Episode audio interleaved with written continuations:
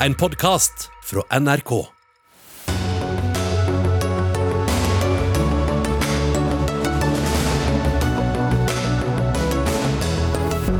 Det må bli lettere for dem som ønsker det å få Janssen-vaksinen, mener økonomiprofessor. Ja, Men så enkelt er det ikke, svarer regjeringa. Skattepakken til oljenæringa fungerte helt etter hensikten, skal vi tro en ny rapport bestilt av Norsk olje og gass. Og dermed hindrer den oss i å nå klimamålene, sier SV. Private barnehager tjener for mye penger, ifølge et utvalg som vil endre ordningen. Da trues tilbudet til 140 000 barn, svarer Private barnehagers landsforbund. Og en regelendring førte til at norske medisinstudenter må ta dobbel turnustjeneste. Helt uforståelig, sier student. Vel møtt til Dagsnytt 18, som også skal handle om regjeringskrise i Sverige og en ny lov mot promotering av homofili i Ungarn. I studio denne torsdagen, Sigrid Solund. Koronavaksineringen av nordmenn går saktere enn det helsemyndighetene hadde håpet og trodd. Norge får 900 000 færre Pfizer-doser, og leveransene av Moderna går også tregere enn ventet. Samtidig økes intervallet igjen til tolv uker mellom første og andre vaksinedose. Janssen-vaksinen skulle være en slags redning. I forrige uke ble den lansert som et tilbud til dem som ville ha den, hvis de oppfylte strenge kriterier pga. potensielt farlige bivirkninger. Men er det blitt for vanskelig få den? Det kan virke sånn ut fra en kronikk i VG i dag, skrevet bl.a. av deg, Steinar Holden. Du er økonomiprofessor ved Universitetet i Oslo, og ledet også et regjeringsoppnevnt koronautvalg om noe litt annet. Ut fra situasjonen nå, hvor godt og treffsikkert syns du dette tilbudet om Janssen-vaksinen er? Nei, Jeg syns at kriteriene er for restriktive. Eh, nå er det mangel på vaksiner. Det er en lang kø på vaksiner. Noen må vente lenge. Det har vært riktig å prioritere de som er eldst og risikogrupper, men det betyr jo at eh, noen må vente lenge før de blir eh, fullvaksinert. Og så er det restriksjoner og begrensninger for de som ikke er fullvaksinert, som samfunnet har pålagt dem. Og I den situasjonen så burde folk i større grad få bestemme selv, hvis de har gode grunner til å ta en vaksine, at de burde i større grad få bestemme selv om de vil ta den vaksinen. Erlend Svartalbø, du er statssekretær i Helse- og omsorgsdepartementet. Hvorfor skal det være så strengt hvem som skal kunne få denne vaksinen? Nei, først vil jeg bare si at Vi har nå et vaksinasjonsprogram som viser det at over to millioner nordmenn nå har fått første dose av sine vaksiner. Det viser at vi er på god vei, og at vi er på vei mot en mer gjenåpning av eh, samfunnet. Så er det sånn at Når vi snakker om Janssen-vaksinen, så har vi fått uh, tydelige medisinskfaglige råd om at den burde bli tatt ut fra vaksinasjonsprogrammet som en del av det. Bl.a. med Våland-utvalget, som også gjorde vurderinger både av Janssen og AstraZeneca. Vi har valgt å lytte til de medisinskfaglige begrunnelsene, bl.a. fra FHI og Helsedirektoratet. Men så har vi da kommet fram til en tilvalgsordning der vi har sagt at uh, de som ønsker det ut ifra gitte kriterier fra Helsedirektoratet, da kan få Janssen-vaksinen hvis den oppfyller de kriteriene, basert på en vurdering fra fastlegen. Men det å si at vaksineringa i Norge går sakte, uh, da må en òg se på den helhetlige situasjonen fra 12. mars og helt fram til vi 27.12. Da satt den første vaksinen i Norge, bare ni måneder etter vi stengte ned landet. Ja, okay, men det er ikke det som er situasjonen. Nå, nå, prøver vi å snakke om hva som er situasjonen nå, Holden. og Hva er det som har endret seg? Altså, Vi får færre vaksiner enn vi håpet på, men hvorfor skal det endre på hva, hvilke medisinske kriterier som, som ligger til grunn? Det, er, eh, det, tar lang tid før alle blir eh, vaksinert, og, og det innebærer strenge begrensninger. Det er folk som ønsker å reise til utlandet, som kan ha gode grunner til det. Det er folk som er veldig bekymret for eh, eh, koronapandemien og blir smittet. Og, og, risikoen eh, Det er en risiko for alvorlige bivirkninger, men, men sånn som det er blitt fremstilt som ofte blir fremstilt, er nok at litt overdreven risiko. Altså Man har lagt vekt på de høye antall eh, tilfeller med alvorlig bivirkning på AstraZeneca i Norge. Men, men hvis man ser, eh, tar med andre land, så ser man at eh, sannsynligheten trolig er betydelig mindre eh, enn det. Og, og nyere tall for Janssen-vaksinen tyder også på at risikoen er betydelig eh, mindre. Så, så, det taler for at, eh, at, folk også må kunne få velge selv om de skal kunne ta denne vaksinen. Vi skal slippe til statssekretæren, men vi skal få inn deg også, Beata Piarczyk Harsvik. Du er fra Polen, men bor i Norge, og du har snakket i VG om ditt ønske om å få satt en Janssen-vaksine så fort som mulig. Hvorfor vil du ha denne vaksinen? Det var et slags et rede sommerferie til oss. Akkurat i år vi hadde droppet et noe del av familiesammenheng som vi skulle være med på sommerferie, høstferie, jul, påske, vinterferie. Alt dette. Det var jo mange nå. Så jeg, også, jeg bor også på den eh, kommunen som måtte gi fra seg en del av vaksiner til de større. og Det var sikkert ok, men da tenkte jeg da kommer den Janssen-vaksinen, og jeg har et grunn å reise, jeg har tre små barn. Og selv om jeg som voksen kan sikkert eh, klare meg litt til å ikke se familien min, da ser jeg at eh, mine barna kanskje har den behov. Jeg har et småbarn som jeg ønsker at de omgår litt med besteforeldrene sine, og det går ikke an på FaceTime. Det er språkforskjell, det er, et, det er mange ting som skjer, så det er ikke det samme. De må være litt sammen. Vi håpet på den vaksinen at vi, at vi kan reise, faktisk. Og, og hva har du gjort for å forsøke å få en Janssen-vaksine? Jeg hadde prøvd allerede i helgen litt. Jeg hadde ringt opp og sjekket litt og googlet og eh, fant ut litt forskjellige artikler. og da Eh, fant jeg dessverre ingenting. Fra mandag ringte jeg litt rundt omkring. Det heller ikke gikk. Da eh, snakket jeg litt med vegen og eh, ble kontaktet med mange forskjellige. Da fikk jeg tips. Er det noen i Oslo, det er noen litt mot Stavanger. Eh, det innebærer litt med å reise og ta fri fra jobben og sånn, men eh, samtidig det er mange som kontaktet meg og sa at det er ikke så lett heller. For det, og det er helt forståelig til et lege.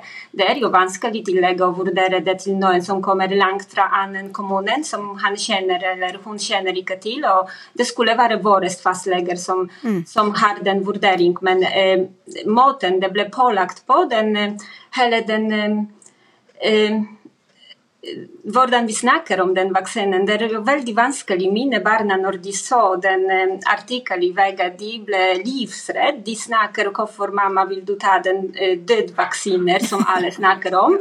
Og vi trenger ikke å se besteforeldre. Ikke ta den, ikke dø.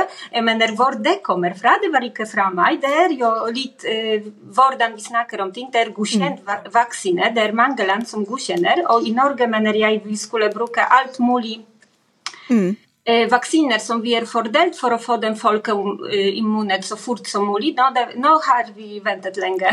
Ja, takk skal du ha. Men Steinar Holden til det som blir sagt her. Det er jo en grunn til at det er lagt disse strenge kriteriene. Nettopp fordi at for noen så er det altså større fare for å uh, få veldig alvorlige bivirkninger og kanskje dø av denne vaksinen, enn det er å, uh, å få covid og få, å få alvorlige bivirkninger eller, eller død av det. Og, og lege, som etter legefaglig råd, da. Men da snakker man jo som om eh, helse er det eneste ting som teller i livet. Og, og, det er jo sånn at eh, folk også er opptatt av andre ting. Folk tar jo risiko. Altså Til sammenligning så er det mange som kjører motorsykkel. I fjor så var det elleve personer som døde i eh, motorsykkelulykker i Norge. 250 000 motorsyklister og bompedkjørere i Norge. Så den risikoen for motorsyklister er jo langt, langt høyere enn den risikoen man tar ved å ta eh, en AstraZeneca eller en Janssen-vaksine. Eh, og Det er vel ingen som tenker at vi skal forby å, å kjøre motorsykkel, selv om man kan synes at dette er skremmende tall som man har med de trafikkulykkene.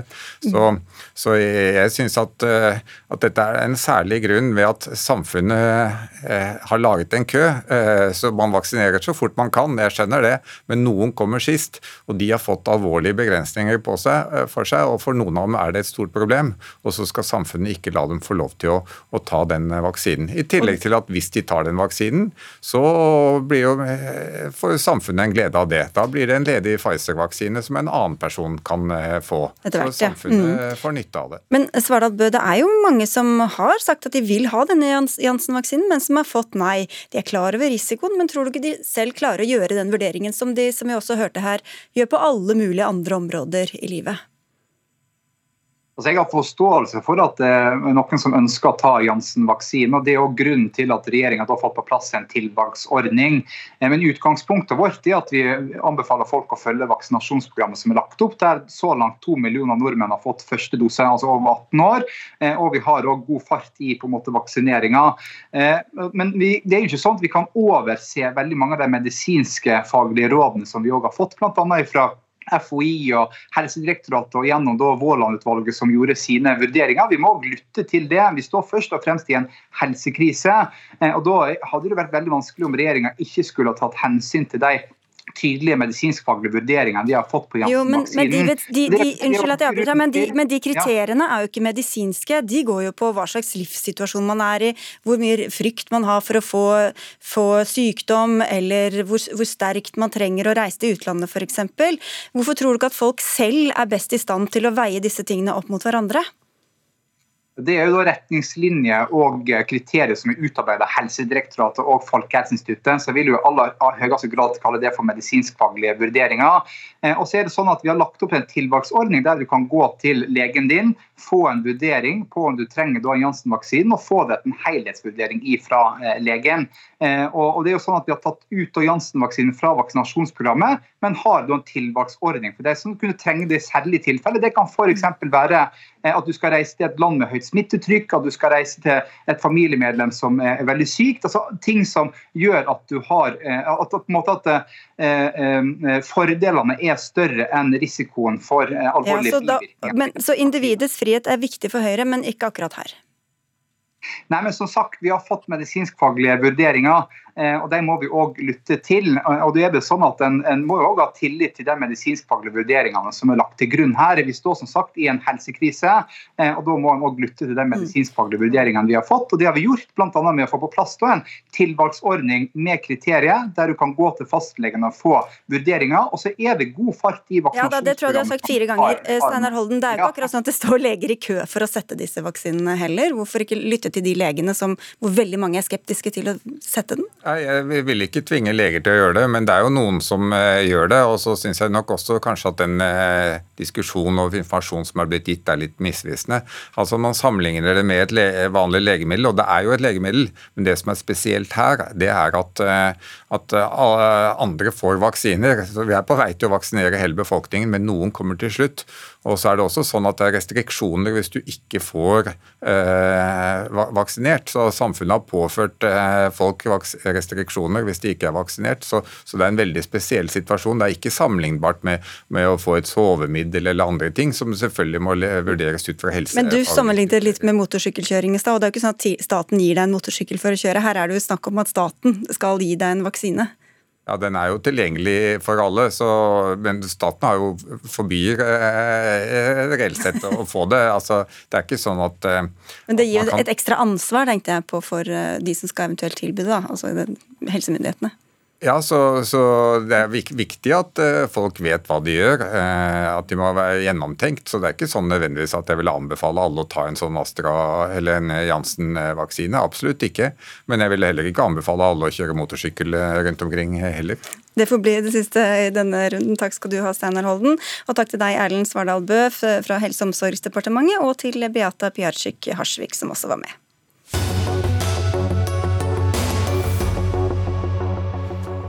Det er uansvarlig å stille mistillit mot min regjering, sa den svenske statsministeren Stefan Löfven på dagens pressekonferanse, som skjedde etter at det ble klart at det nå er flertall i den svenske riksdagen for et mistillitsforslag. Magnus Takvam, politisk kommentator i NRK, hvorfor skjer dette i nabolandet vårt nå? Det er det svenske venstrepartiet, eh, SVs søsterparti, som har utløst dette akkurat nå.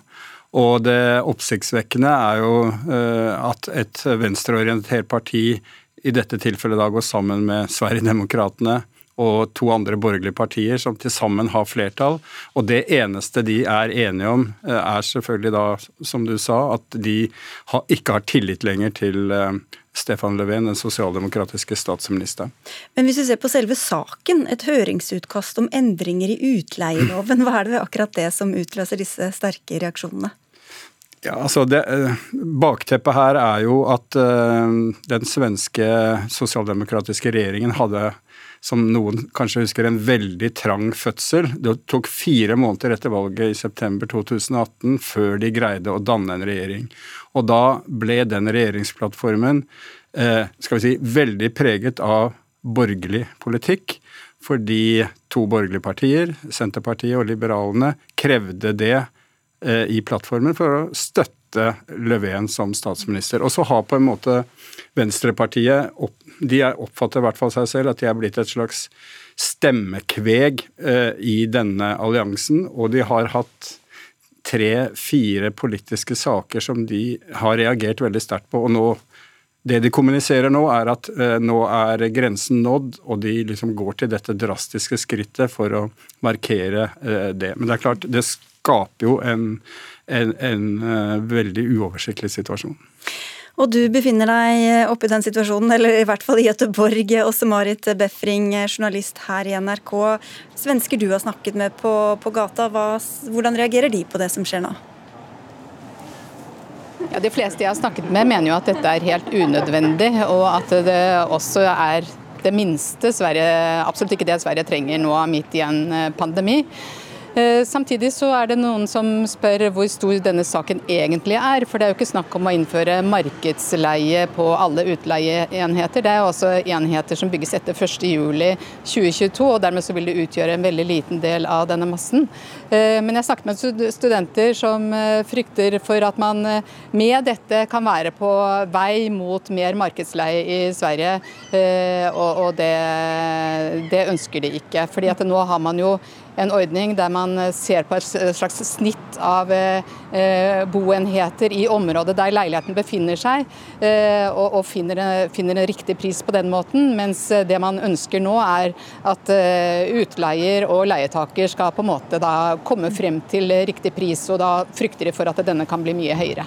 Men, dette er også et forslag, og det er ute på høring. Det er altså ikke vedtatt. Og Hva håper de skal skje sånn rent storpolitisk med regjeringa, da?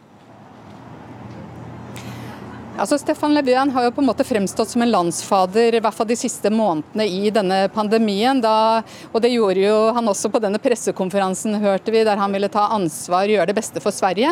Eh, så man ønsker jo selvfølgelig ikke en krise, og så håper de at det vil løse seg på beste vis. Man ønsker seg i hvert fall ikke til den situasjonen man var i eh, etter valget forrige gang, der man altså gikk eh, uten regjering i fire måneder. Tusen takk skal du ha også, Marit Befring.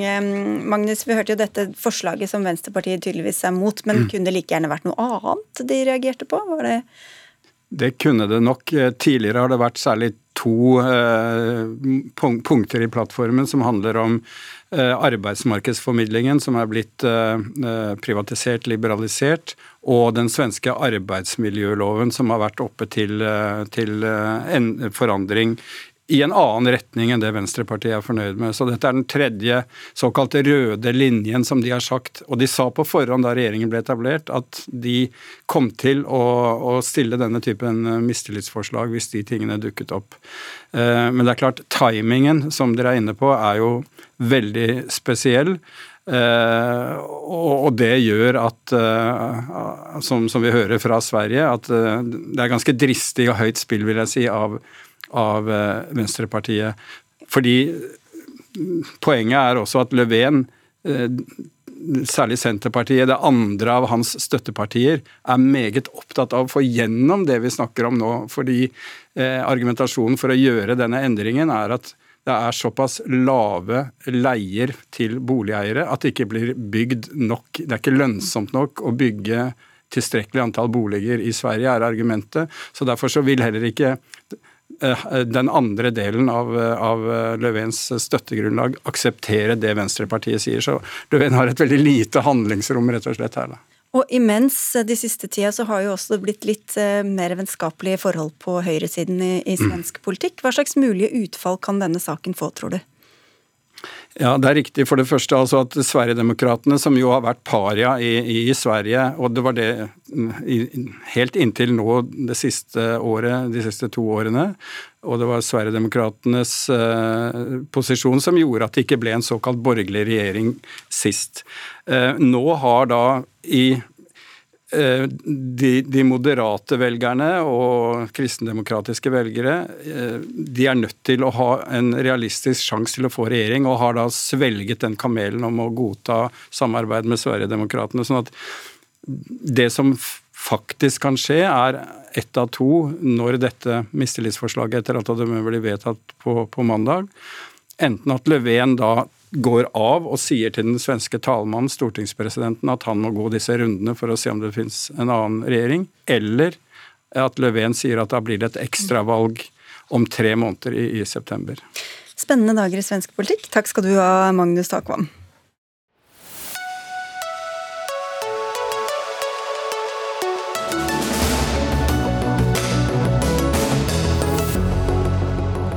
Etter lange forhandlinger, intens lobbyarbeid og tøffe debatter, så klarte Stortinget i fjor å få på plass en skattepakke for olje- og gassnæringen.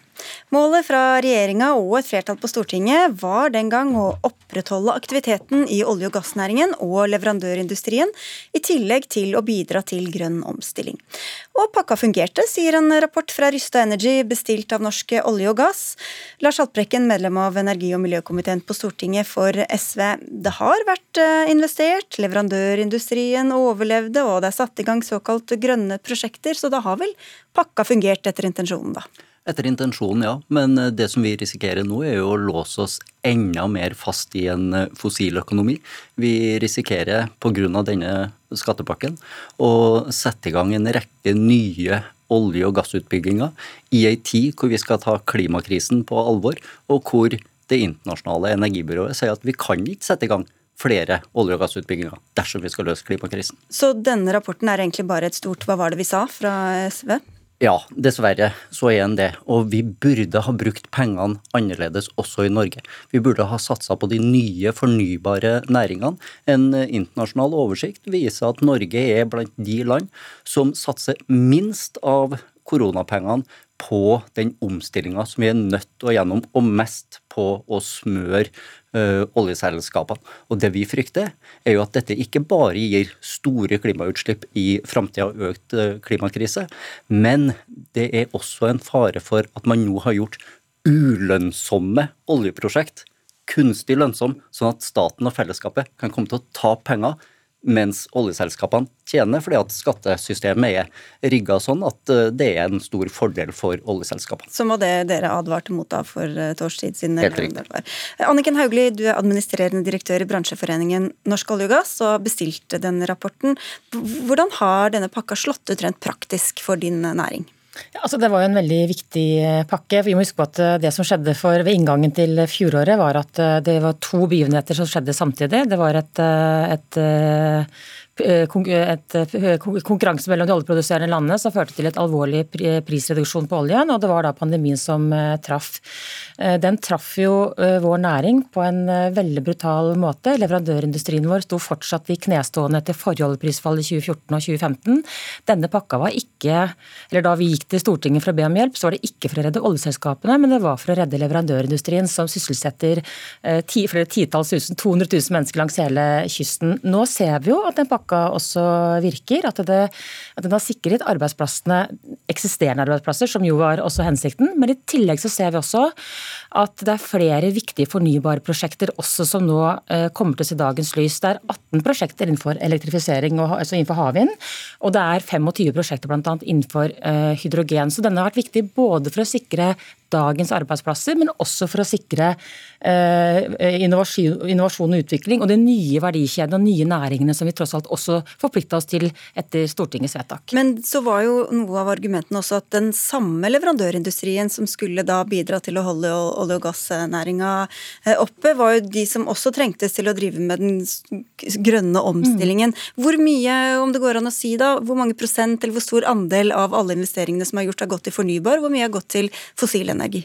Ja, altså vi, eh, ja, vi, har, vi, har, jo sett, eh, vi la jo fram en rapport eh, tidligere i år hvor vi bl.a. ser at andelen prosjekter som leverandørindustrien har på fornybar, er doblet fra de siste årene. Fra hva, fra hva til hva? Ja, fra, fra 14 til 28 eller noe sånt, det var det vel, tror jeg. Om jeg husker riktig. Og så ser vi også nå at det er flere og flere prosjekter innenfor fornybar som også leverandørindustrien går til. Men det som er viktig å huske på, det er at dersom man hadde si, skrudd av krana nå og lagt en næring som SV på mange måter vil, så ville vi også ha svekket svekket våre muligheter til den omstillingen som jeg tror alle er opptatt av. Fordi det er vi også som næring. Det er to ting vi er opptatt av.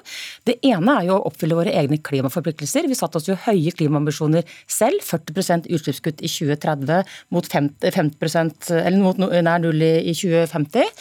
Eh, og, vi, og pluss at vi er opptatt av å også utvikle nye næringer. fordi vi ser jo at vi skal ned i produksjon rett og slett fordi at reservoarene tømmes. Så vi er jo opptatt av å skape nye arbeidsplasser og bidra til klimaforpliktelsene. Men det klarer vi ikke om vi si, avvikler næringen slik som SV ønsker.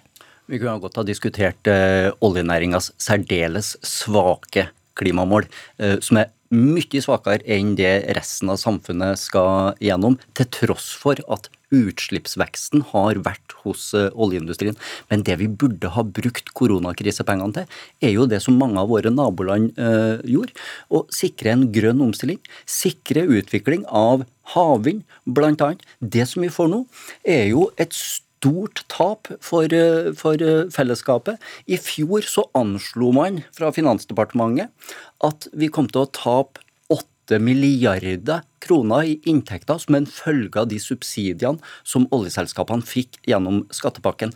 Oppdaterte tall fra Finansdepartementet som vi etterspurte nå i vår, viser at tapet kommer opp i hvert fall 10 milliarder. Det er sinnssykt mye penger.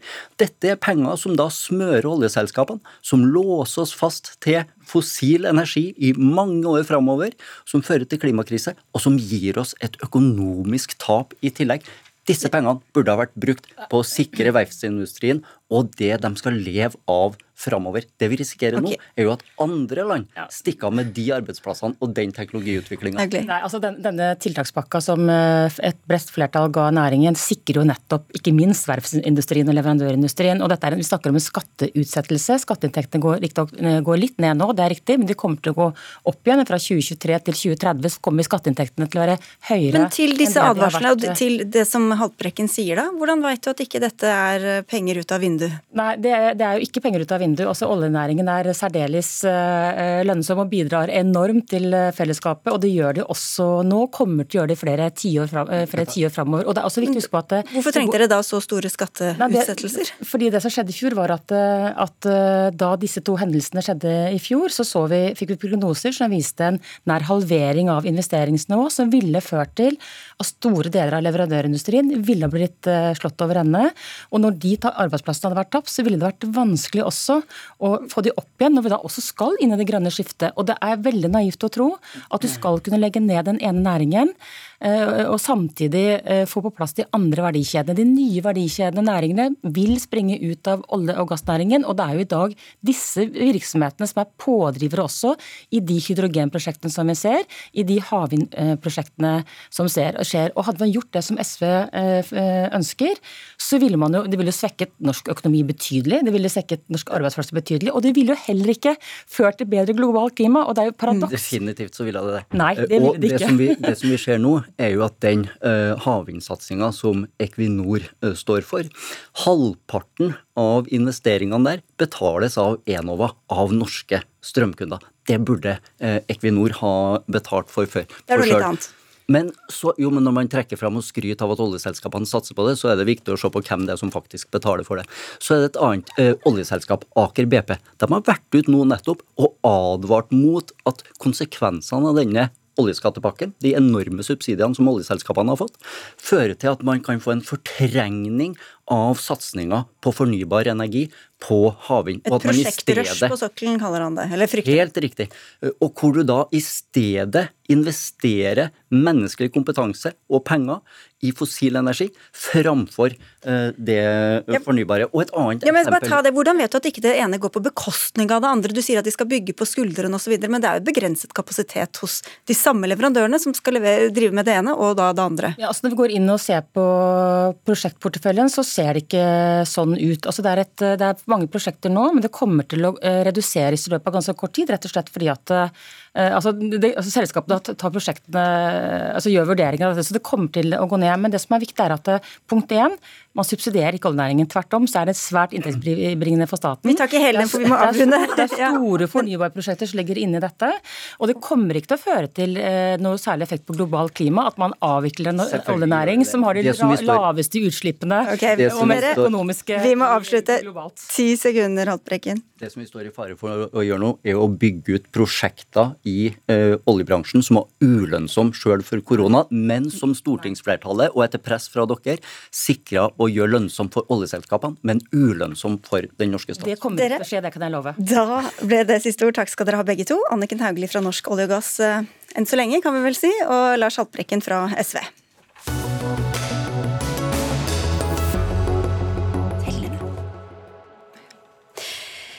Norske ungdommer som studerer medisin i Danmark må ha dobbel turnus. Hvorfor får du høre mot slutten av denne Dagsnytt 18-sendinga. Men først noe ganske annet. Mens regnbueflagg markerer pride-måneden i Norge og andre land, så strammer Ungarn skruen til for sine skeive.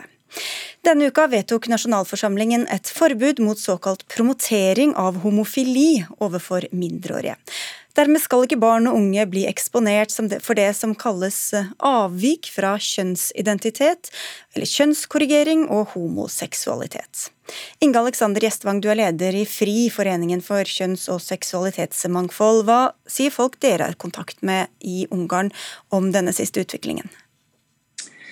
Det her er jo en eh, kjempedramatisk utvikling, og det er jo klart at det her legger eh, store begrensninger på skeive ungareres eh, liv.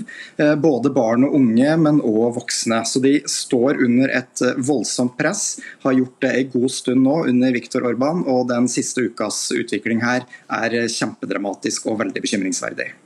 Vi har invitert Ungarns ambassadør til Norge her i kveld, men hun kunne ikke være med. Men ambassaden sendte et nyhetsbrev hvor de forsvarer lovendringen og sier at de ikke akter å be om unnskyldning for at de beskytter barna sine, som de sier.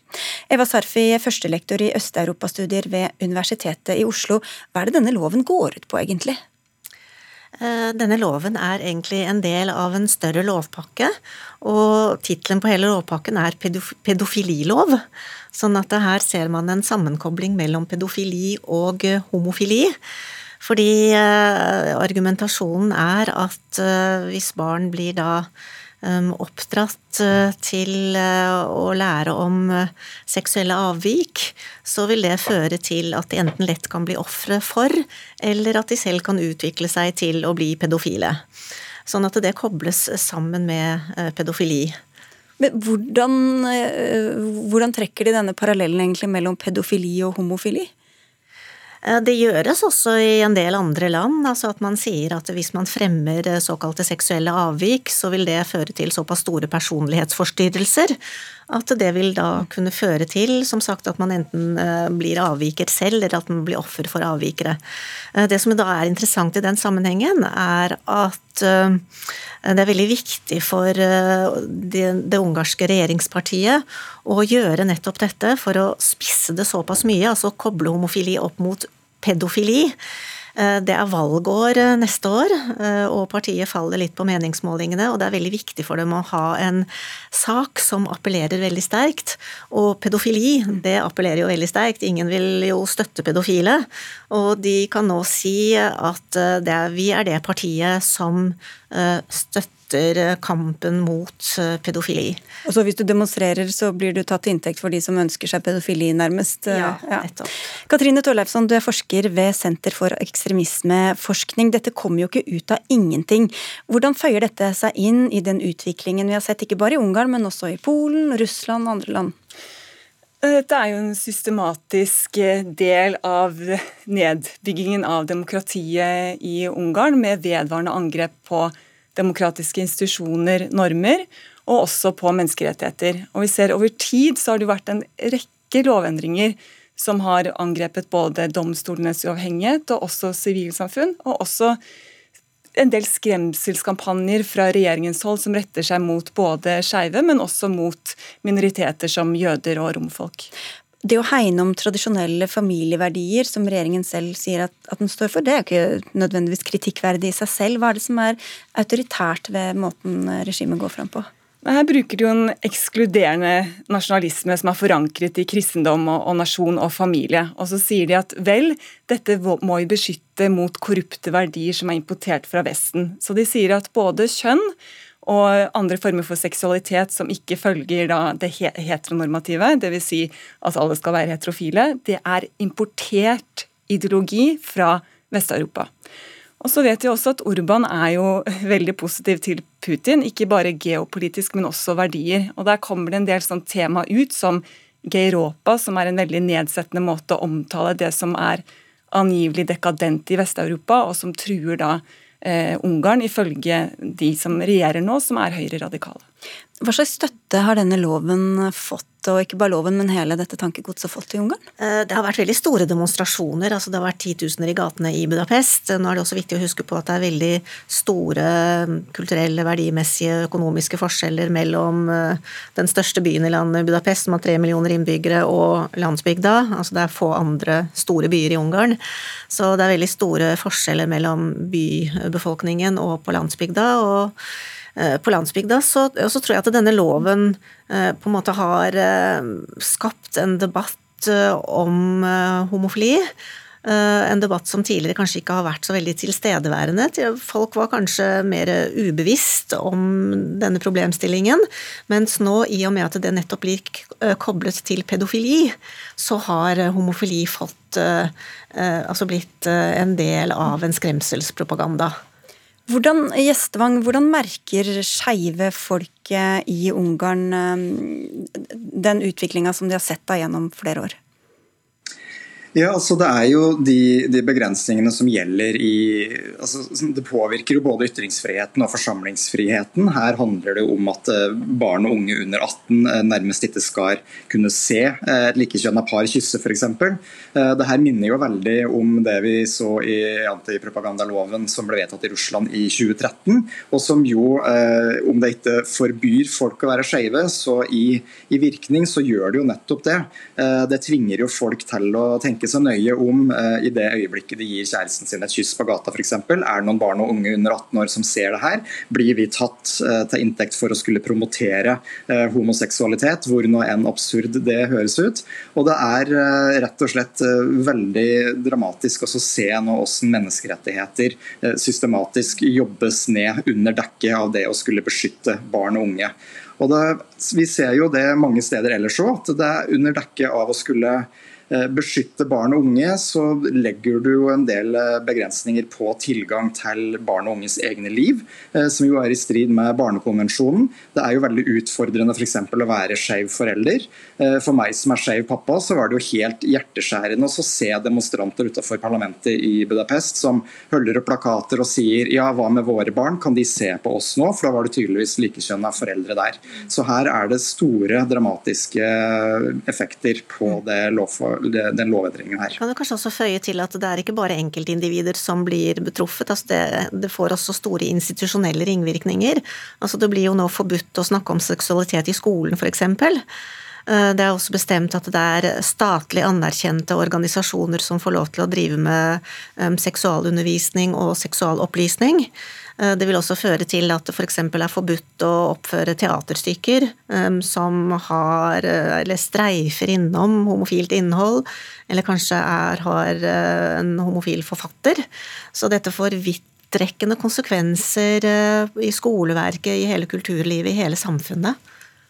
Og i akademia også, Torleifsson? Ja, nå jo, har regjeringen kriminalisert kjønnsstudier og presset det sentrale europeiske universitetet ut av Budapest, som nå er i Wien. Men det å kriminalisere kjønnsstudier, hele logikken her er jo at det å være ikke-hetero er noe som er tillært, og som vi må beskytte oss mot. Og Derfor har de også da sagt at alle som forsker på kjønnsidentitet, og også delvis kjønnsidentitet som noe som er også sosialkonstruert, og ikke bare biologisk kjønn, mann og kvinne, det er ideologi som, og ikke vitenskap. Hvorfor har dette sånn grobunn i, i Ungarn, Serfi, tror du? Eh, det er jo et uh, tradisjonelt samfunn. Man har jo hatt kommunisme lenge, og ikke hatt ytringsfrihet. Før kommunismen var det heller ikke et demokrati. Det er et samfunn som ikke har demokratiske tradisjoner i det hele tatt, og har vært veldig tradisjonelt. Så det er veldig lett å spille på det. Og så har man jo nå en regjering som er veldig makthungrig. Og dette brukes for alt det er verdt. Dette er ikke ideologisk eller f.eks. religiøst forankret, som i Polen. Ungarere er ikke spesielt religiøse. De bruker dette pga. rå makt for å beholde eh, makten eh, ved de neste valgene. Dette er noe som appellerer eh, pga. at det knyttes til pedofili. Ja, så er det jo en lignende utvikling i Polen og i andre spesielt østeuropeiske land. Så det vi ser i Europa og i en del EU-medlemsland, er jo en, en, kamp rett og slett om den liberale framtiden til Europa. Urban har sagt vi vil ha demokrati, men vi vil ikke ha et liberalt demokrati. Vi vil ha et illiberalt demokrati, som jo er motsetningsfullt. Men du sa også noe om forskjellen mellom ytre høyre-autoritære krefter i, i Øst-Europa kontra i Vest-Europa akkurat på dette området. Ja, spesielt i, i Vest-Europa, spesielt da i Nederland, så har du jo f.eks. Gert Wilders som har fremmet en homonasjonalisme, hvor han setter skeives rettigheter opp mot rettigheter til f.eks. Eh, muslimer og bruker det som argument i å kriminalisere islam, og, og eh, da setter rettighetene til én minoritet opp mot rettighetene til en annen minoritet. Og EU ser jo ikke med blide øyne på denne utviklingen i øst. Til slutt her, Gjestvang, hvordan tror du det blir å være ung homofil, transperson, bifil i Ungarn eh, framover? Vi ser jo det som det blir nevnt her, både i Ungarn, Polen, Russland, Tyrkia. Det er mange land her hvor det er eh, helt sentrale menneskerettigheter som blir, eh, blir begrensa. Det er tøffere klima. Eh, folk har lettere for å bli utsatt for hatkriminalitet idet det der oss og dem-narrativet får fotfeste. Og det her virker som det her er noe som er nytt og importert osv. Dessverre så ser vi jo at det her er en del ting som òg vasker innover våre egne strender. F.eks. det med å begrense hva som skal snakkes om i skoler osv. Så, videre. så det er viktig at vi er klar over at det, det tankegodset her det er på fremmarsj, og at vi må sørge for å demme opp for det for å bevare demokratiet, ytringsfriheten og ikke minst forsamlingsfriheten. Vi må takke dere der alle tre. Inge Alexander Gjestvang fra FRI, Eva Sarfi fra Universitetet i Oslo og Katrine Torleifsson fra Senter for ekstremismeforskning. Tusen takk for at dere kom.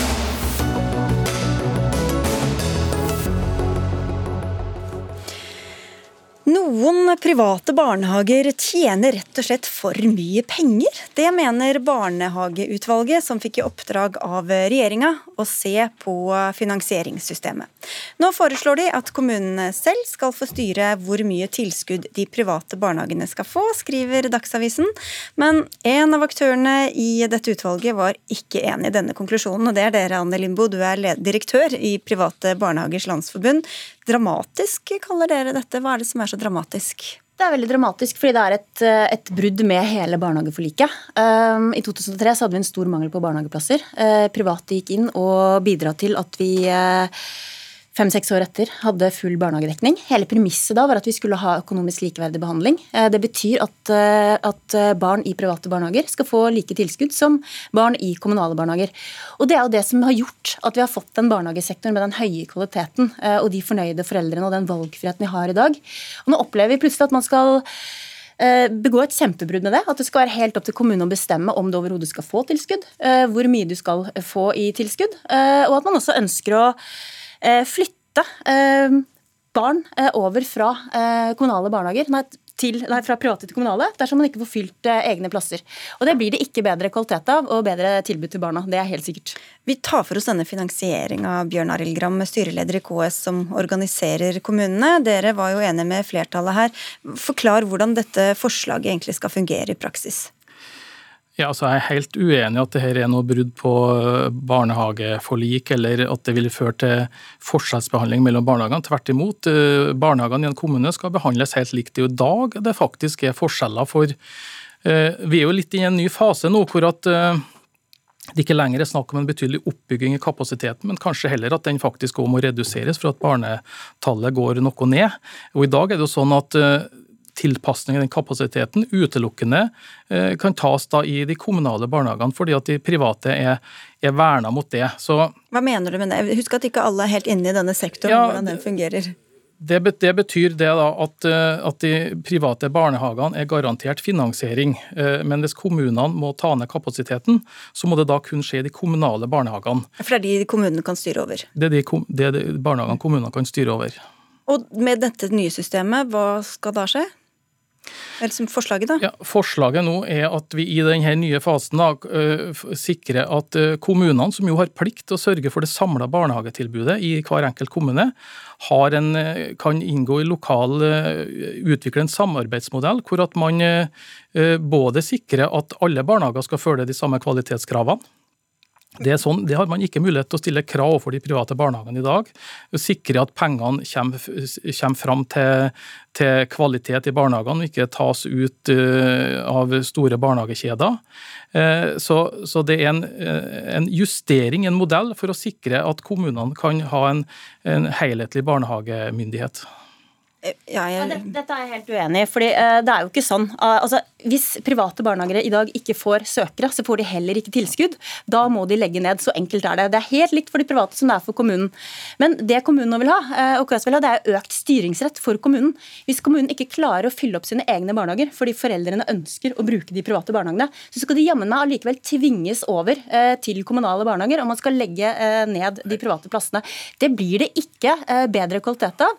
Og det er et ganske grovt brudd med foreldres eh, valgfrihet, og det vil føre til en dårligere kvalitet eh, i, i barnehagesektoren og et mindre mangfold. Det, det, er jo ikke riktig. Det er jo fortsatt sånn at man innenfor den samla kapasiteten i en kommune skal kunne Det blir fortsatt samordna opptak, og du kan velge hvilken barnehage du søker på.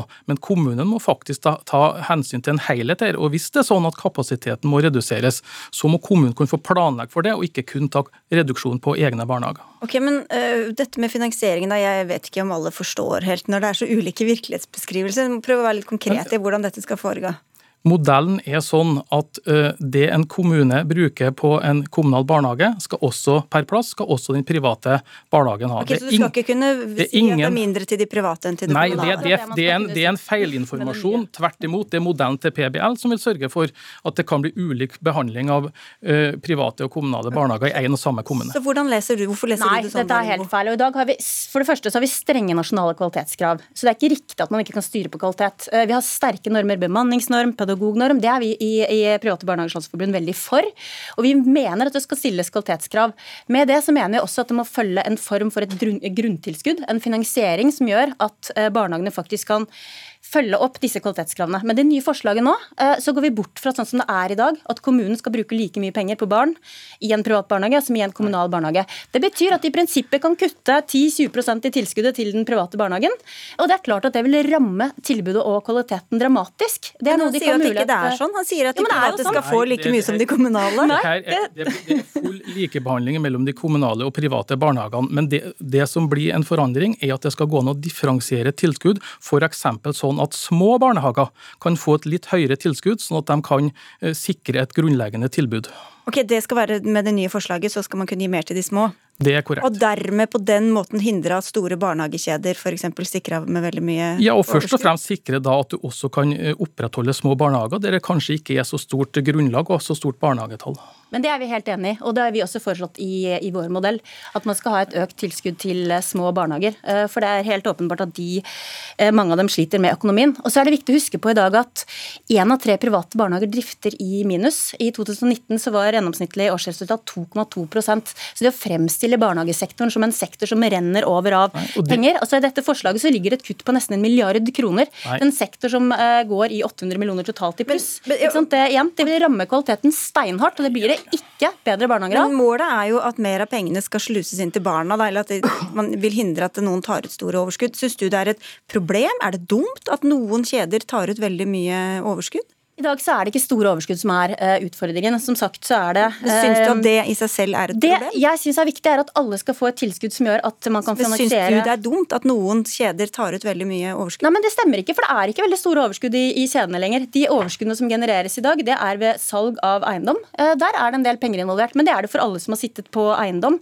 Snittet igjen var på 2,2% Også kjedene, hvis du ser på tall fra Utdanningsdirektoratet, så ligger snittmarginen der helt innafor det som er vanlig, altså rundt 3-4-5% og det er ikke mer enn en det man måtte kunne forvente. Og så er vi helt enige at Det skal ikke være en sånn stort overskudd, kvalitet skal være viktig. og Derfor så legger også vi inn i vår modell eh, strenge kvalitetskrav og kutt de som ikke leverer på kvalitet og betingelser for de ansatte. Veldig kort til slutt, Gram. Det er stor variasjon blant de private barnehagene. Det er slettes ikke alle som har god råd. og Et viktig tiltak for å bøte på det er nettopp å øke basistilskuddet til de små barnehagene. Men det er definitivt sånn at over tid så har de store kjedene lagt opp betydelig egenkapital, eh, og vi må sikre at pengene kommer fram til barnas beste. Her var det mange debatter eh, på én gang. Vi får se om noen ble noe klokere. Takk skal dere ha, i hvert fall begge to. Anne Limbo fra Private Barnehagers Landsforbund og Bjørn Arild Gram fra KS. Takk.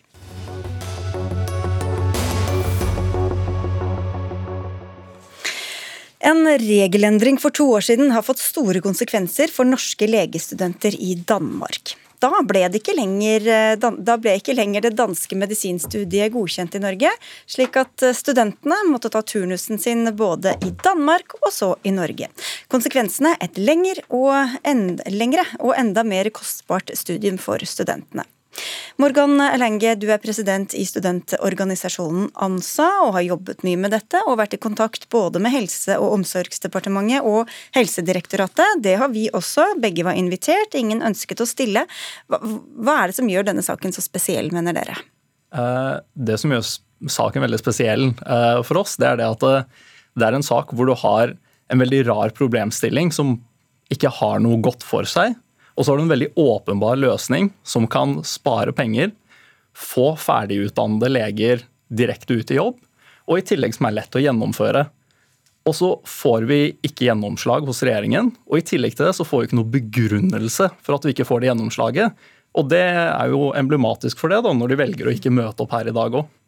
Men så er det vel sånn at uh, legestudiene i alle de andre EU-landene er godkjent i Norge. Hva er det som gjør Danmark så annerledes? Uh, det er egentlig bare en sånn byråkratisk glipp som har kommet fra en forskriftsendring som uh, trådte i kraft for medisinstudentene i Danmark i 2019. Så det er en byråkratisk tilfeldighet, rett og slett. Vi har med en av dem, Louise Frøysland, medisinstudent med Odense som studiested. Du har nå turnustjeneste i Danmark, og i august så reiser du til Norge for å gjøre det samme. Hvordan fungerer dette systemet for de norske studentene? Nei, altså Jeg ble jo ferdig utdannet eh, her i Odense i juni 2020. I den forbindelsen så valgte jeg jo å søke LIS1 i Norge, og med stor overraskelse og glede så ble jeg tilbudt en LIS1-stilling i Norge. Altså Det er sånn le lege i spesial... Jeg husker ikke helt, men det er i hvert fall en, en legestilling, da. Ja. Nesten turnuslege. Ja. Um, og dette var jeg jo veldig takknemlig for, og hadde jo veldig lyst til å takke ja til stillingen, men pga. forskriftsendringene som eh, Morgan eh, nevner, så ble jeg nødt til å sende en beskjed til sykehuset om at jeg ikke kunne begynne i stillingen før jeg hadde fullført en ettårig turnus her i Danmark. Nå er jeg jo ferdig snart eh, med en ettårig turnus i Danmark. Eh, og begynner som sagt i en eh, ny turnus igjen nå i slutten av august i Norge. Vi hørte deg litt her, Nicolas Wilkinson, stortingsrepresentant for SV. Du kaller det en tulleordning. Hva er det som er så tullete, da? Det er helt tullete. Fordi vi har en legekrise i landet. Og vi kan få nye leger hvert år hvis disse danske legene eh, kan eh, få litt av disse kunnskapen de har fått fra Danmark, og ikke gå igjennom hele liseen. Det tar et år og seks måneder, og det koster mange millioner kroner for staten. Men, eh, men de skal lære mye av det samme igjen. Så Espen mener at de skal være i liseen litt for å forstå det norske systemet. Men hvis vi lager en ordning for disse, flere av disse norske studentene i Danmark som skal være leger, eh, da kan vi få nye eh, leger hvert år. Men det er vel sånn i Danmark at de har et halvt år kortere turnustjeneste enn i Norge, så hvordan, hvorfor skal man sidestille de to? Eh, vi foreslår ikke å sidestille det. Vi sier at de skal ikke ta hele LIS1-stillingen, som er ett år og seks måneder. Mm, men et men, halvt år når de kommer hjem? Ett år i Danmark og så et halvt for år her? Eksempel, altså vi foreslår et utvalg, for vi, vi, må se på hvilke læringspunkter de trenger. Eh, fordi de skal forstå det norske systemet. Men eh, problemet er at de er nesten leger. De kunne være lege i Danmark. og vi stopper dem for å hjelpe pasienter i Norge. Og det, det er tullete. Frøysland, hvordan hadde det fungert, tror du? Altså, Jeg må bare rette, for vi er leger. Eh, jeg ble ferdig utdannet lege for et år siden. Eh, de fleste, inkludert meg selv, har alle ferier jobbet i det norske helsevesenet i Norge. Så det at vi ikke kjenner systemet, er nok ikke en bekymring. Eh, vi kjenner godt til det norske helsesystemet, og jeg syns en ordning hvor vi skal ta seks måneder, er en god ordning. Hva, altså, du studerte da mens dette kom, dette, denne endringa kom to, for to år siden. Hvordan reagerte du og dine medstudenter da? Altså Vi syns jo det er synd at et land som Danmark, som er så å si identisk både i medisinutdannelse, men også i hvordan helsesystemet fungerer, ikke blir sett på som noe man kan godkjenne. Eh, det er eh, mer likt det norske systemet enn veldig mange andre steder i verden. Så jeg tror den største frustrasjonen for meg og mine kollegaer, det er nok manglende svar og begrunnelser på hvorfor man ikke er villig til å gjøre en endring.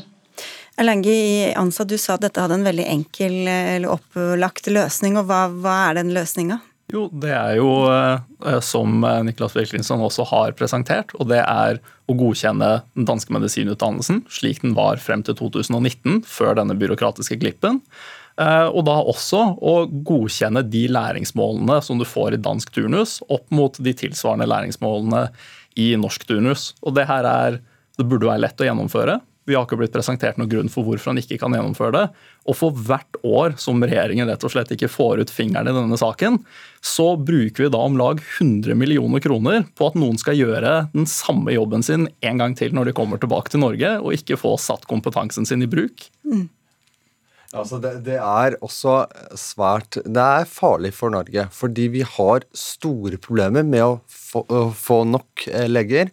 Mange får ikke fastleger. Det er litt bedre i Oslo-området, men eh, mange kommuner i hele landet har store problemer med å få leger. Og hvis de ikke får legehjelp, da, da, vet vi at mange kan få store sykdomsbyrder og få store problemer. Så hvis vi, vi kan spare penger og få flere leger for at flere får god hjelp, og at studentene eh, vil spare ett år, f.eks.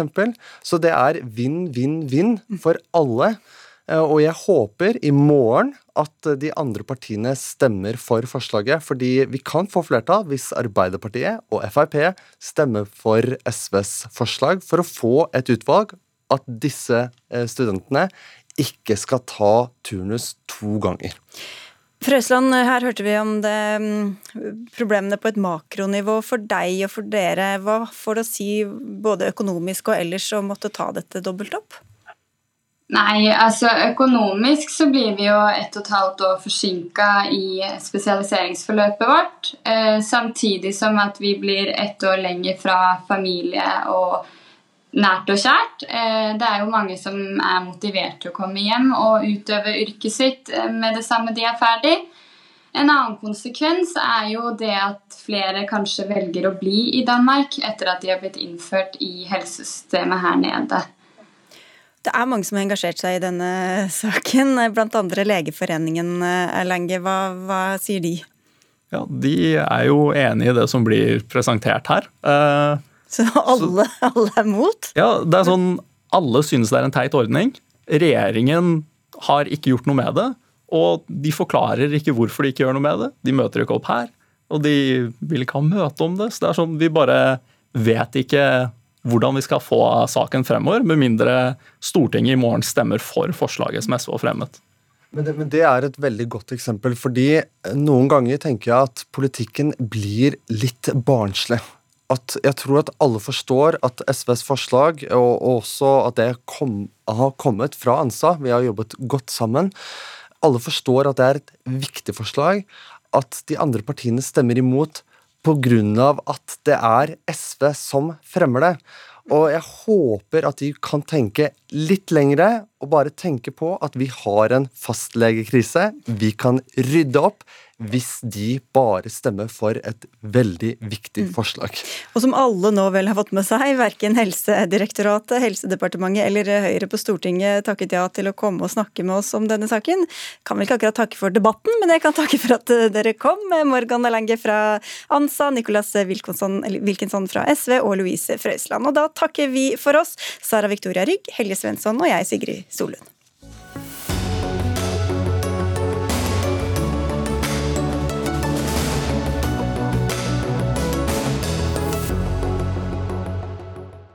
Du har hørt en podkast fra NRK. Hør flere podkaster og din favorittkanal i appen NRK Radio.